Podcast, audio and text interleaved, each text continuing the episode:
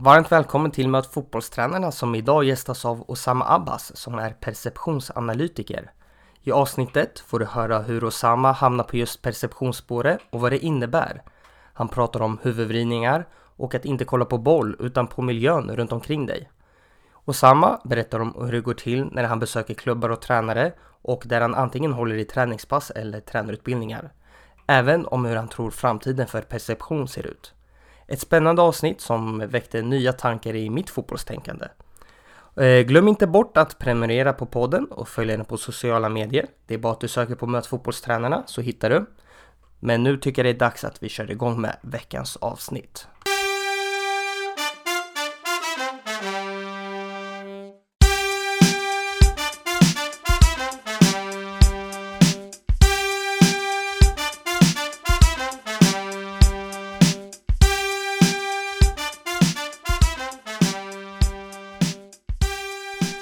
Och eh, varmt välkomna till ett nytt avsnitt av Möt fotbollstränarna. Idag har jag med mig Osama Abbas. Varmt välkommen! Tack så mycket. Hur mår du? Jag mår jättebra. Hur mår du själv? Det är bara fint. Idag spelar vi in hemma hos min eh, mormor, så välkommen hit också. Tack så mycket. Det, hon har ju väldigt fin inredningsstil så att här trivs man. Hur, eh, du har ju kommit hit nu från Stockholm över dagen till Örebro. Mm. Vad gör du i Stockholm? Jag är där på uppdrag under en veckas tid så att det full fart, mycket träningspass och, och så vidare. Så att det är inte så mycket lugnt där. Nu kom du till Örebro bara för att spela in ett avsnitt här. Ja, det ska det ser jag fram emot. Så det Ja. ska bli trevligt faktiskt. Vi kör igång med faktarutan. Ålder? 26 fyllde jag för en vecka sedan så att eh, nu är man gammal. Grattis i efterskott. Tack. Familj? Väldigt stor, väldigt stor familj. Men den är kärleksfull så jag är lyckligt lottad. Bästa spelaren du har tränat? Uff. Du, jag, jag var lite hjälptränare faktiskt när jag var 18 i division 2 eh, i Högaborg. Och då hade vi en, en ung Jonas Barney där. Eh, så det måste vara han då ju. Vad har- ser du för kvaliteter hos honom? Jonas, jag hoppas att han inte hör det här men Jonas tycker jag inte har en enda spetskvalitet faktiskt. Och det är det som gör honom så grym. Utan det är hans, jo men hans mentala inställning är på en egen nivå. Så att, jättefin kille utanför plan. Och många egenskaper som han tar med sig in till planen som, som en ledare och, ja. Så det, men han har en spelförståelse dessutom då som, som är, är på en hög nivå. Bor? Bor i Helsingborg, uppvuxen, uppvuxen i idyllen Höganäs eh, som du måste besöka. Eh, är eh, väldigt ofta i Stockholm då nästan varannan vecka så det känns ju nästan som hemma eller börjar göra det då. Men Helsingborg. Vad hette hamburgerstället som du tipsade mig om så mina lyssnare också kan testa på det? Garage Bar. Är ni, är ni i Skåne så måste ni till Garage Bar. Ta en burgare. Favoritlag? Uff, jag har inget sånt här. Så Real Madrid sen man var liten.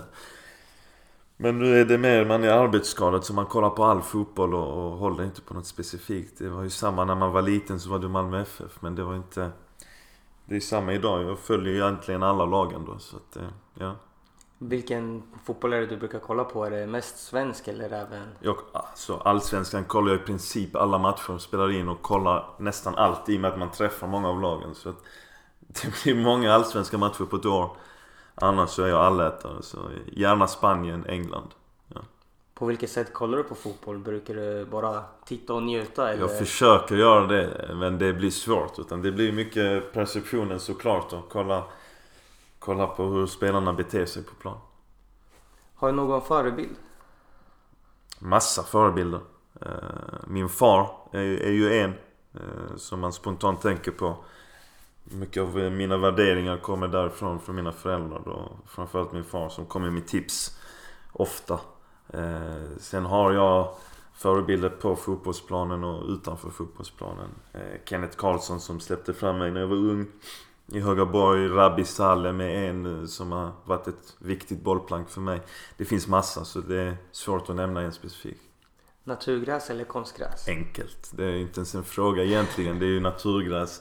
Vi är ju bortskämda med det i Skåne. Eh, sen förstår jag att, att eh, Östersund behöver konstgräs men eh, jag kan tycka att eh, nu när hybriden börjar komma fram att så mycket som möjligt eh, naturgräs, såklart. Eh, på ungdomssidan är det lite annorlunda. Det, det är ju eh, kvantitet. Man får mycket planer på, på konstgräs och mycket timmar där. Så, att, så det, det fyller ett syfte, absolut. Men, men på elitnivå, naturgräs. Har du någon favoritsyssla utanför fotbollen? Ja, eh, gillar att läsa mycket böcker.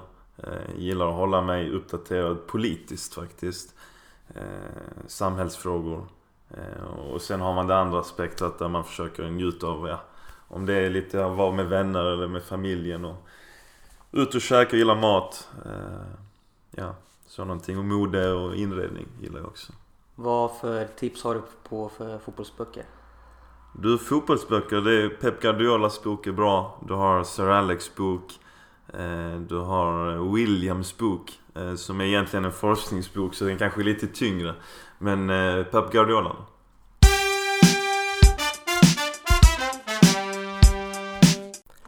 Jag har ett tips till er lyssnare där ute och det är nämligen att den 6-7 juli kommer spanska MBP School of Coaches till Malmö för att leverera den första delen av totalt tre av deras kurs. Och den här första delen kommer att handla om zon 1 eller utgångsytan som man kan kalla den.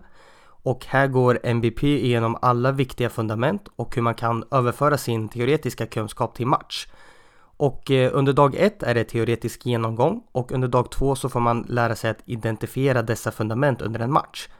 Under 2020 kommer det leverera del 2 och del 3 av kursen. MBP kommer från Barcelona och har utvecklat en unik metod i att utbilda tränare. Så jag tycker att ni inte ska missa detta tillfälle att utveckla dig som tränare ännu mer. All information hittar ni på tranerutbildning.se.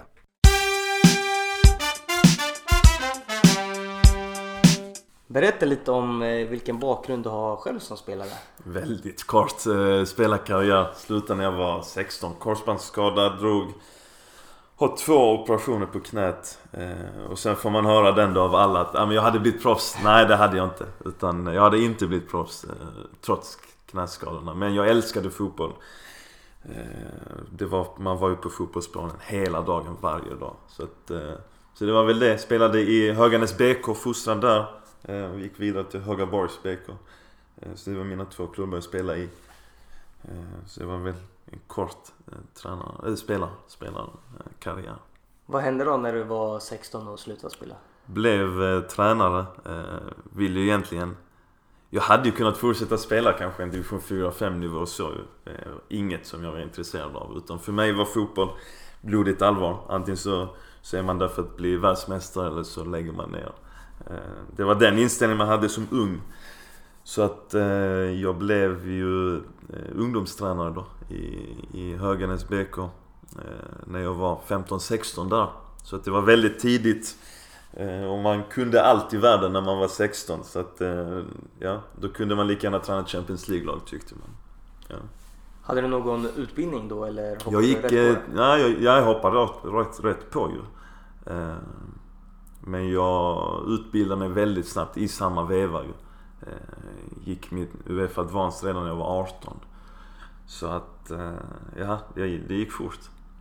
Hade du tankar då om att du skulle nå toppen som precis som, precis som när jag var spelare så var det ju bli bäst i världen. Det var den tanken man hade då ju när man var 16-17 som, som tränare. Men det var ju verkligen att, att, att, försöka få så mycket som möjligt utav ett lag. Hur mycket kan man förändra eh, spelarna? Så att, eh, redan då det här med, med människor och, och beteenden var, intresserade mig mycket. Idag jobbar du ju som perceptionsanalytiker. Hur mm. hamnade du in på det spåret? Den här historien eh, börjar egentligen i, i Högaborg då som, som hjälptränare och där jag har mentorer i, i A-laget. Och, och, och, jag filmar matcher och ska, ska visa spelarna lite klipp så här va. Eh, så vi, vi har spelare då på lån från, från Landskrona Boys där Henke Larsson är tränare vid den tiden. Och vi, vi får en spelare då och jag visar honom ett klipp från en match och säger du eh, Mackan eh, om du, om du kollar dit va, så, så hade du kunnat se det här passningsalternativet. Och han snear totalt va. Vad fan vet du vad jag ser och inte ser? Och det var första gången som jag inte hade svar på tal. Alltså för det hade man ju alltid vid den tidpunkten. Tänkte han har rätt ju. jag vet ju inte vad han ser och inte ser. Så jag kunde inte svara då. Så, men jag tänkte fan jag vill ju veta vad han ser och inte ser. Så den, den frågan eh, behöll jag i huvudet och, och sen nästa klubb som jag tränade då, då, då hade jag lite mer eh, etablerade spelare. Eh, Eldin Karisic bland annat. Och, och, vi testade då att filma eh, träningarna från deras perspektiv. Så vi hade kamera på deras huvuden, ett par spelare då. Och så fick de kolla efter träningarna. Vad, vad tyckte de och hur de har kollat och, och, haft för beteende på huvudvridning. För dem då så var det intressant. Eh, och, och, vi fick en hel del svar då. Men fortfarande så kunde vi inte veta vad är det de ser. Utan vi kunde nu veta egentligen vad är det de tittar mot. Det betyder inte att se. Eh, så att eh, det intresserade mig mer och mer och mer och, och när, jag började, när jag läste till idrottslärare så, så gjorde jag mina examensarbeten inom perception då. Eh, tillsammans med en studiekamrat. Och, och därifrån då, att nörda sig in i perception. Vad innebär det? Och, så, och så började vi göra lite experiment då. Och första gången jag blev inbjuden var av Andreas Alm i, i AIK. Eh, och, och, då gjorde vi tester på spelarna. Vad är det exakt de ser i olika situationer? Och, och därifrån då. Vad är perception för de som inte har koll på det? Ja, alltså perception... Jag brukar säga så här, vi, vi skulle egentligen slarvigt kunna säga spelförståelse, speluppfattning. Men, men begreppet skulle man egentligen mer kunna definiera som förmågan att se och upptäcka händelser. Och utifrån det ta beslut. Så alla vi som håller på med fotboll måste fundera över eh, vi måste ha med bägge delarna av det här begreppet. Alltså förmågan att se och upptäcka eh, händelser. Ja, det gör spelare hela tiden. Men, och utifrån det ta beslut. Har vi med beslut eller har vi inte med beslut i våra träningar till exempel? Eller om vi vänder på det, får spelarna ta sina beslut eller inte? Så vi måste ha med beslutstagandet också. Så inte så mycket drillövningar är det du föredrar? Nej, det gör jag absolut inte. Finns det någon eh, modell eller forskning kring det här ämnet eller är det ganska nytt? Alltså, ämnet är ju... Alltså perception som sådant är inte nytt. Däremot så perception inom sport är ju relativt nytt. Eh, det finns forskning, Williams bland annat då, som, som, som har kommit eh, längst skulle jag säga i sin forskning. Det finns en GIR i Norge som också håller på med, med det här. Så det börjar hända saker, eh, tack och lov, så att man inte har för mycket tyckare och tänkare kring ämnet utan så att det faktiskt finns svart på vitt. Men, men nu har också tekniken kommit så pass långt så att vi, vi faktiskt kan se vad, vad spelarna ser eh, i sitt direktseende då. Eh, vilket underlättar en del. Du gör ju lite olika saker, ibland annat föreläser, håller tränarutbildningar och sådär. Men jag tänkte att vi kan börja med när du hälsar på en klubb och kör med spelarna. Mm. Hur går det till då? Nej men eh, jag behöver ju egentligen veta då vilket är arbetssättet för, för det här laget. Då. Och när jag besöker klubbar så är det ju allt från, från allsvenska lag till, till utländska lag eh, till eh, Ja, till ungdomar egentligen. Och det kan vara breddföreningar, pojkar, flickor också. Eh, så, så jag behöver egentligen veta vad har ni för arbetssätt som ni jobbar efter. Och därifrån så försöker jag klä de orden in i vad är det spelarna borde kunna se här? Eh, så att jag försöker förhålla mig till deras sätt, deras vardag. Eh, men, men övningarna går mycket ut på att, som, som spelarna får jobba med då. Dels att automatisera ett beteende.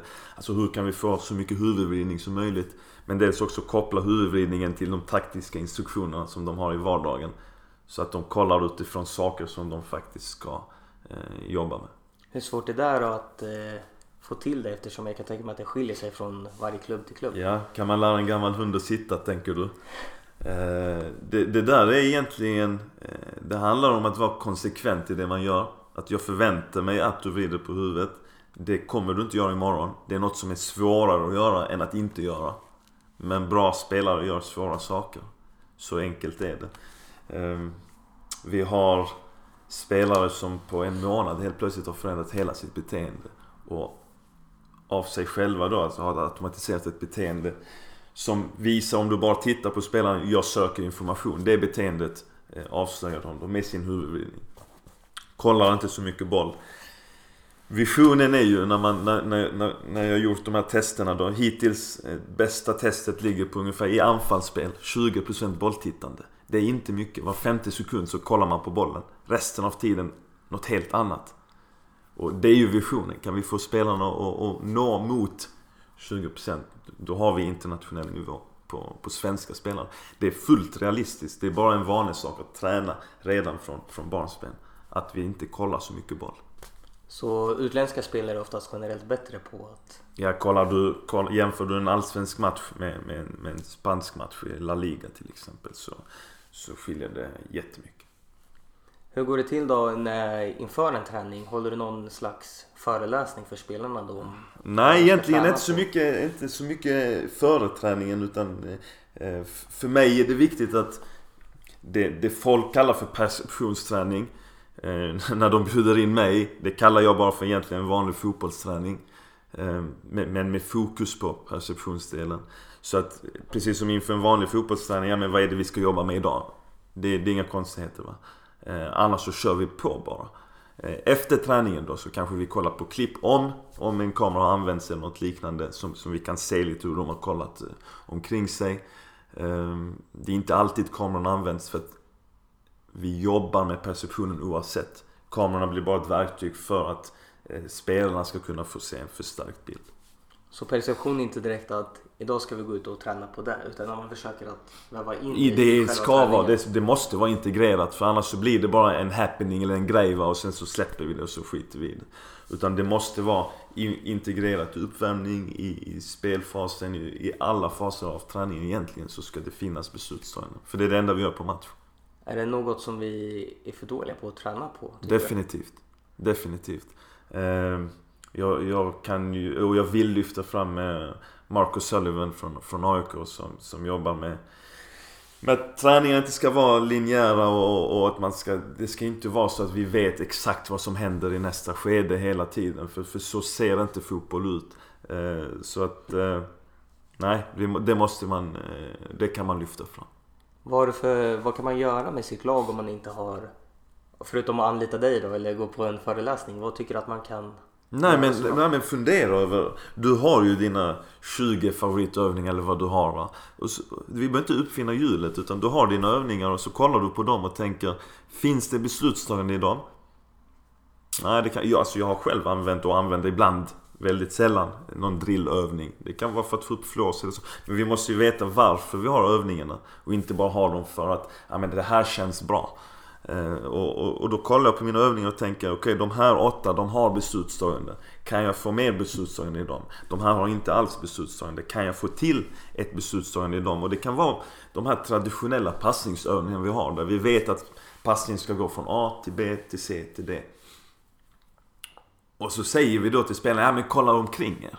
Men varför ska jag göra det? Jag vet ju att jag ska spela dit. Det finns ju ingen mening att kolla bakom mig. För det vet jag inte i match alltid att jag måste spela dit. För det beror på vad situationen säger. Men kan jag göra samma övning och bara lägga in ett beslutstagande? Hur gör jag det? Mm. Så lite sådana funderingar kanske. Vad har du för liksom, instruktioner till spelarna inför ett sånt här pass?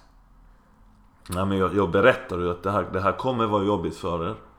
Mentalt ansträngande. Det kommer vara mycket synintryck som, som man kanske inte är van vid. För det bekväma är ju att titta på boll. Eh, men jag säger precis som jag sa till dig innan att Bra spelare gör de här grejerna och, och, och vilka här vill bli en bra spelare? Och så räcker ju alla handen upp. Ja men det är bra. Då försöker vi göra det. Så jag ställer ju krav på att man faktiskt ja, går ut och försöker. Sen det är helt okej okay att misslyckas och slå en felpass och så här. Det, det skiter jag fullständigt i. Utan gör ditt bästa och försök utvecklas utifrån dina förutsättningar. Så det här har ju inte ens att göra med elit och breddnivå att göra. Utan det här är hur, hur pass bra kan jag bli? Du pratar ju lite om eh, huvudvridningar och sånt där. Mm. Vad är det man ska försöka se? Är det medspelare, motståndare, ytor eller? Bra fråga. Helt situationsanpassat. Eh, vi, vi kanske kommer in lite på olika anfall och försvar sen då. Men, men vad är det ni prioriterar eh, i ert lag? Man brukar säga att ytor är såklart prioriterat att titta efter. Men är du en spelare som brukar ha motståndare runt dig i din position? Är du central innermittfältare? Det brukar betyda att du har ganska mycket motståndare runt dig. Det är klart du måste ha koll på dem. Har du koll på nästa passning? När släpper du blicken från bollen när den är på väg till dig? Och så vidare. Så det, det, det, är väldigt situationsanpassat. I försvarsspel då, är det markeringsförsvar eller positionsförsvar? Är det positionsförsvar som de flesta eh, svenska, nordiska lagen spelar då på, på elitnivå så, så förhåller man sig på ett annat sätt. Vi kanske kommer in på det lite Ja, vi lite kan senare. prata om det nu. tycker Ja, varsågod. Hur kopplar man då prestationen utifrån, om vi ska så ta defensiven? Ja, men det, det, här, det här är ju, nu, nu, nu kommer vi nörda så att det, det, det, här, är, det här är roligt. Ehm, jag sitter med Peter Wettergren som är assisterande i landslaget, herrlandslaget. Och, eh, han, är, han, han är en nörd. Och jag tycker herrlandslaget har fått perfekta tränare för, för det landslaget. Och vi snackar försvarsspel och jag frågar Peter eh, samma fråga som jag ställde dig precis innan vi började här. Ehm, hur jobbar ni i försvarsspel? Och alla som följer Sverige vet att det är väldigt drillat landslag i försvarsspel. Ja men vi jobbar positionsförsvar sa han. Ja men jag vet det här redan. Eh, men ville få det bekräftat då. Vad, om, om jag nu frågar en av dina spelare i, lands, i landslaget här. Ta Granen till exempel. Kommer han veta vad de ska göra i sitt positionsförsvar? Ja utan tvekan sa han. Absolut. Okej, okay. men vad hade han svarat då? För den här frågan kommer jag ställa sen till, till, till laget jag kommer besöka. Va? Vad, vad kommer Granen svara? Och, och han säger Ja men förmodligen så att vi, vi flyttar. Han vet precis vad han ska säga. Och, och jag snackade med dig precis innan här och, och ni jobbar själv liknande i, i ert lag då med, med positionsförsvar. Vad går det ut på? Ja men vi ska flytta efter boll, vi ska inte markera och så vidare. Och, och jag tror de som lyssnar nu här känner igen sig i, i exakt det här. Va? Så hade dina spelare svarat samma? Antagligen, för vi drillar dem i det här så pass bra så att alla vet vad de ska säga. Och så kommer följdfrågan då. Vem sätter press? Ja men det är den som är närmst bollhållarna. Det är självklara saker. Och så kör vi igång en övning va, där de kommer utsätta sig i positionsförsvar. Hur utsätter vi ett lag i positionsförsvar? Jo, vad är det vi inte vill? Jo, få bollar igenom oss. Så i den här övningen är det ganska enkelt att få bollar igenom sig. Och, och det sker ju hela tiden. Bollar igenom dem.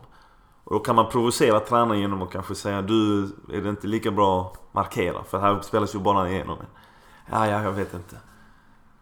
Men så kan vi ju frysa när som helst va? Okej, stå still. Och så är bollen där. Har vi den som är närmst som sätter press? Ja, det har vi.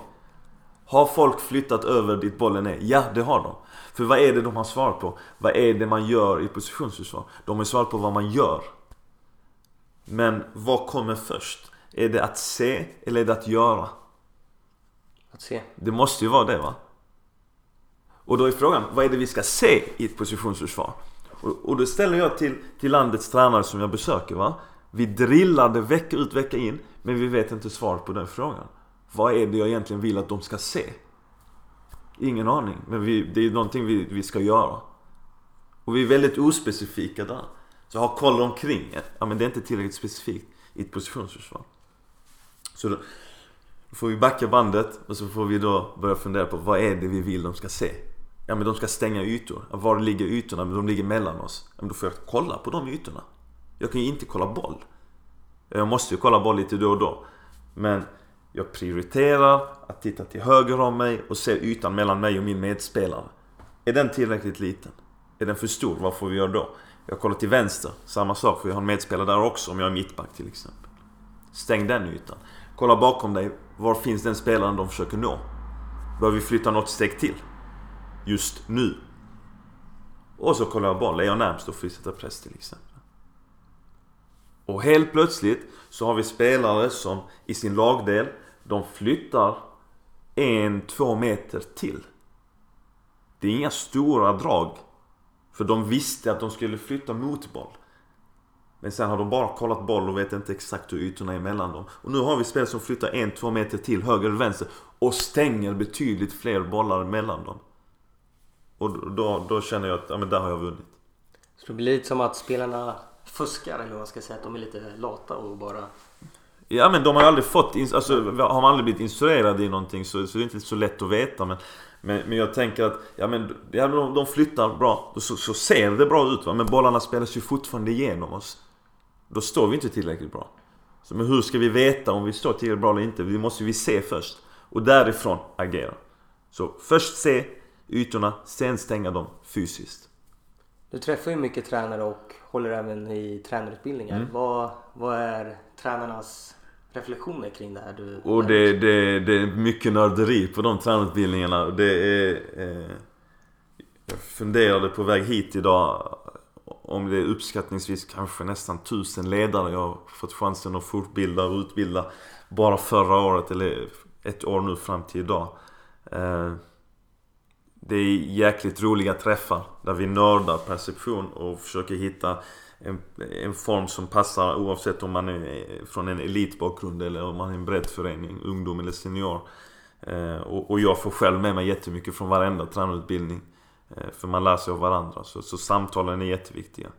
Ehm, men just att hur kan vi med små medel för, för jag gillar inte att man ska gå på en utbildning och känna oj, jag har gjort allt fel. Nu får jag eh, börja om helt. Och så gör man det i två, tre veckor, sen lägger man ner och går tillbaka till gamla mönster. Utan snarare, ge mig den övningen du redan jobbar med idag. Hur kan vi skruva på den lite grann? Så att vi får ut mer effekt på spelarnas beteende. Hur ser en sån här utbildning ut då? Vad innehåller den? Ja, det är en hel dag där vi...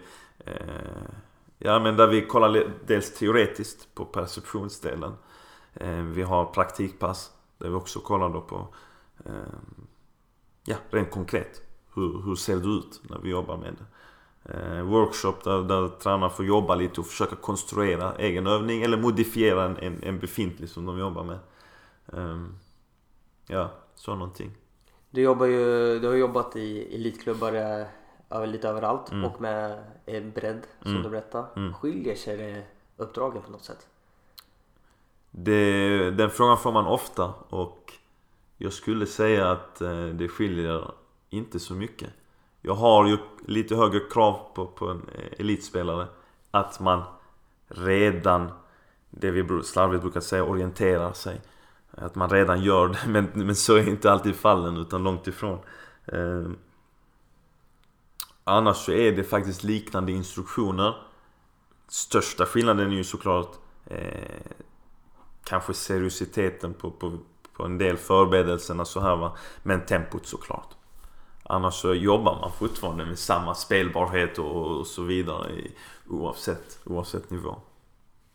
Du har ju också jobbat på landslagsnivå, mm. stämmer det? Mm. Är det, skiljer det sig någonting från ett klubblag? Är det bra, samma sak hela tiden? Nej, alltså de, de, de ledarna får ju inte träffa spelarna eh, lika mycket. Eh, så att, så att eh, det, det, blir ju lite annorlunda när man fortbildar ett förbund. Eh, för, för att de får inte träffa spelarna lika mycket. Utan då är frågan egentligen hur kan man få ner det här på, på klubbnivå och sen tillbaka in till landslagen. Så det är egentligen stora skillnaden. Perception, är det något som har blivit större på senare år och kommer att prioriteras mer i framtiden tror du? När jag, när jag började för, för 6-7 år sedan. Då var det eh, perception och så fick man alltid frågan vad är det? Eh, den frågan får man fortfarande idag men absolut inte lika ofta. Går man på fortbildningar och utbildningar från akademier utomlands och så vidare och då har de med begreppet perception idag som ett vanligt begrepp. Så att eh, absolut standardiserats, vilket är jättekul. Eh, så att nej, det, det har börjat lyftas fram mycket mer, mycket mer. Man har ju sett lite videos från till exempel så Dortmund som har en sån här som lyser upp mm. och så ska de passa in mm. bollen. Mm. Tror du kommer se mer av sånt? Eh, nej, jag tror inte det. Eh, både och. Närmsta åren absolut. Ännu längre fram, eh, det tror jag inte. Utan eh, tekniken som, som börjar komma nu är integrerad på fotbollsplanen. Eh, och det är där någonstans man måste landa i slutändan. Alltså vad, hur tränar vi på saker som vi gör i fotbollsplanen så matchlikt som möjligt. Så, så där är det en kapplöpning just nu mellan de eh, stora akademierna i Europa. Eh, och även i Norge som har kommit långt i, i de här frågorna med tekniken. Då. Eh, och det känns ju som att den här frågan är, är, kommer vara avgörande för många klubbars ekonomi och, och, och eh, styrkeförhållande. Kollar du fysträningen så är den väldigt specifik idag. De vet precis vad de ska göra för övning för att få ut en effekt. Och, och, och snackar man då med, med ledare så får man höra det. Nej men vi jobbar perception och vi jobbar med spelförståelsen och blick. Ja okej, okay, vad intressant. Vad gör ni? Ja men vi lyfter upp färger och så vidare. Men, men gör ni det i match då? Eller hur? Nej, det gör vi inte. Nej, men hur kopplar vi det till, till det matchlika? Så alltså, steget däremellan. Nej, men det är, det är en rolig grej för spelarna att känna att de klarar av det. Ja, okej, okay, jättebra. Men, men hur tar vi det vidare då? Så att ut på plan och jobba med matchflikt.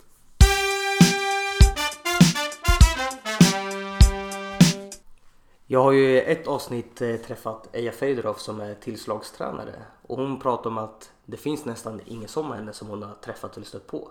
Och du är också lite unik. Har du träffat någon som är perceptionsanalytiker som dig? Nej, det, det, det har jag faktiskt inte. Ehm, dock så är man utomlands så, så, så brukar det integreras kanske att man jobbar med metodiken för en klubb så va. Så, så, så det kanske de har i Barcelona och så i, Dortmund som du nämner. Så att man jobbar med metodiken men just perceptionen så specifikt nej. Ja, vilket gör att man, man har en del att göra och att det, det blir mycket bokningar och så här, vilket är jättekul. Och att eh, framförallt att det är den här vidden av från elit till bredd och man känner nyttan med det. Tror du det kommer komma fler som dig i framtiden? Ja, förhoppningsvis. Förhoppningsvis. Eh, och det behövs. Eh, och just det här med att man kan koppla det teoretiska här, som är väldigt tydligt, till, till det praktiska. Och man kan verkligen se då, ta två innermittfältare i samma lag i en allsvensk klubb och så kan vi göra testerna på dem va.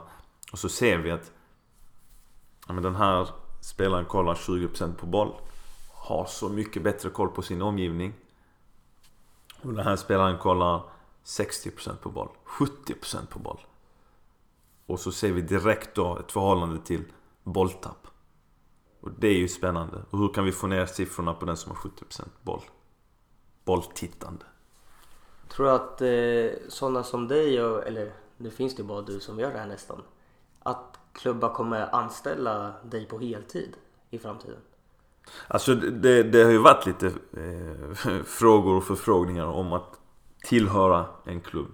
Eh, just nu känner jag att det är så mycket att göra och så mycket resor att, att, eh, och många klubbar att hinna besöka och fortbilda. Så att, eh, just nu kanske inte så jätteaktuellt, man ska aldrig säga aldrig men, men eh, eh det där kommer definitivt finnas i, i klubbar eh, framöver. Att man jobbar specifikt med det. Definitivt. Där är framtiden.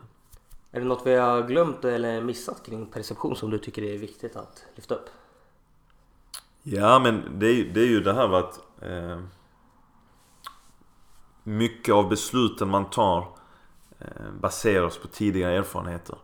Eh, det är ju det här, jag, jag brukar ta ett exempel att eh, Ett beteende som man lär sig för första gången det är när man övningskör. Eh, min far är inte den här typiska Eh, pappan som eh, Ja men nu ska vi börja krypköra och ta det lugnt så här ett par veckor. Utan det var ju sätta i bilen. Kan du sätta i ettan? Ja okej. Tvåan bra. Trean bra. Ut på motorvägen. Så tänkte man va?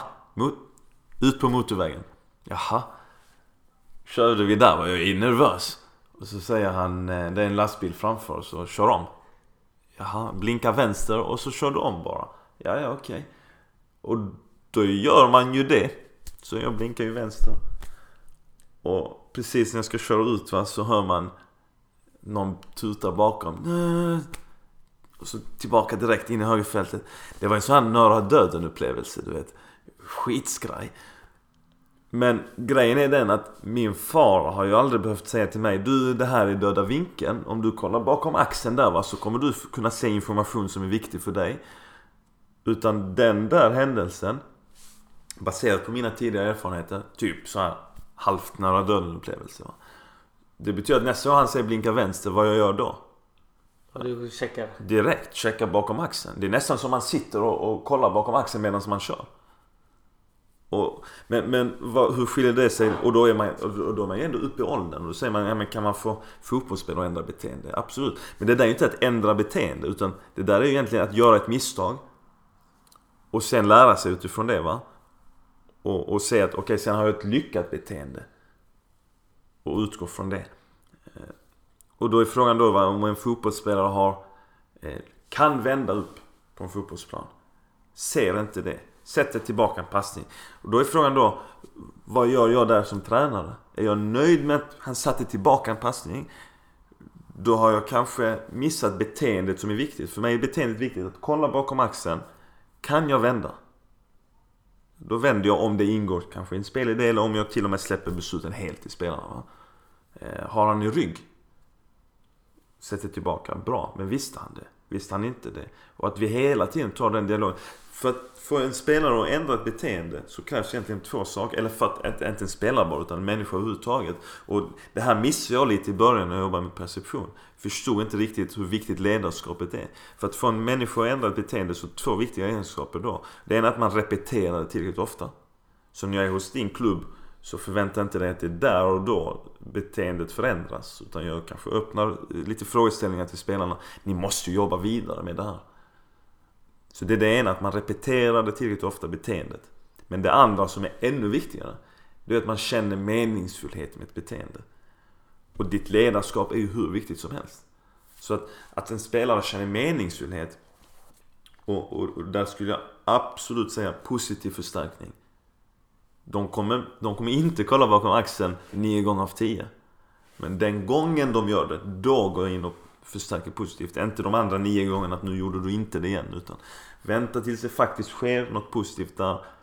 Om det inte sker på väldigt länge så kanske man får gå in och, och hjälpa till med lite frågeställningar då. Men där säger jag Kalle, vrider på huvudet och, och, och vänder upp. Kalle, varför vänder du upp där? Ah, jag har ingen aning. Vadå ingen aning? Men varför satt du inte tillbaka? Vadå, visste du att du kunde vända upp? Ja, det gjorde jag väl. Ja, men hur då? Ja, men jag kollade bakom mig. Det fanns ju ingen. Ah, grymt Kalle. Det här kommer ju öka chansen för att han gör det tre gånger av tio och sen fem gånger av tio. Och sen har jag en Kalle som hela tiden söker information runt sig. Perfekt. Om man vill komma i kontakt med dig, hur gör man då? Eh, man, man, man, ringer inte för jag är katastrof på att svara i telefon. Den, den ringer ofta. Jag är, jag är sådär på att svara. Men, men eh, man eh, når mig ju via, via mail. Via Facebook finns jag. Men, men via mail eller telefon. Det är ju nog det absolut lättaste. Eh, mailen är ju abbas.o hotmail.com eh, Sen finns det ju en hemsida som heter fotbollsperception.se eh, Så någonting. Vilken tränare skulle du vilja lyssna på i min podd här? Oh! Du, men eftersom han är en sån nörd eh, och du har inte haft Wettergren på va? Nej men då Peter Wettergren. Jag tycker han är, är väldigt sympatisk. Men, men en fotbollsnörd utan dess like. Så att eh, Peter Wettergren. Tack så mycket Osama för att du tog dig tid. Tack själv. Stort tack.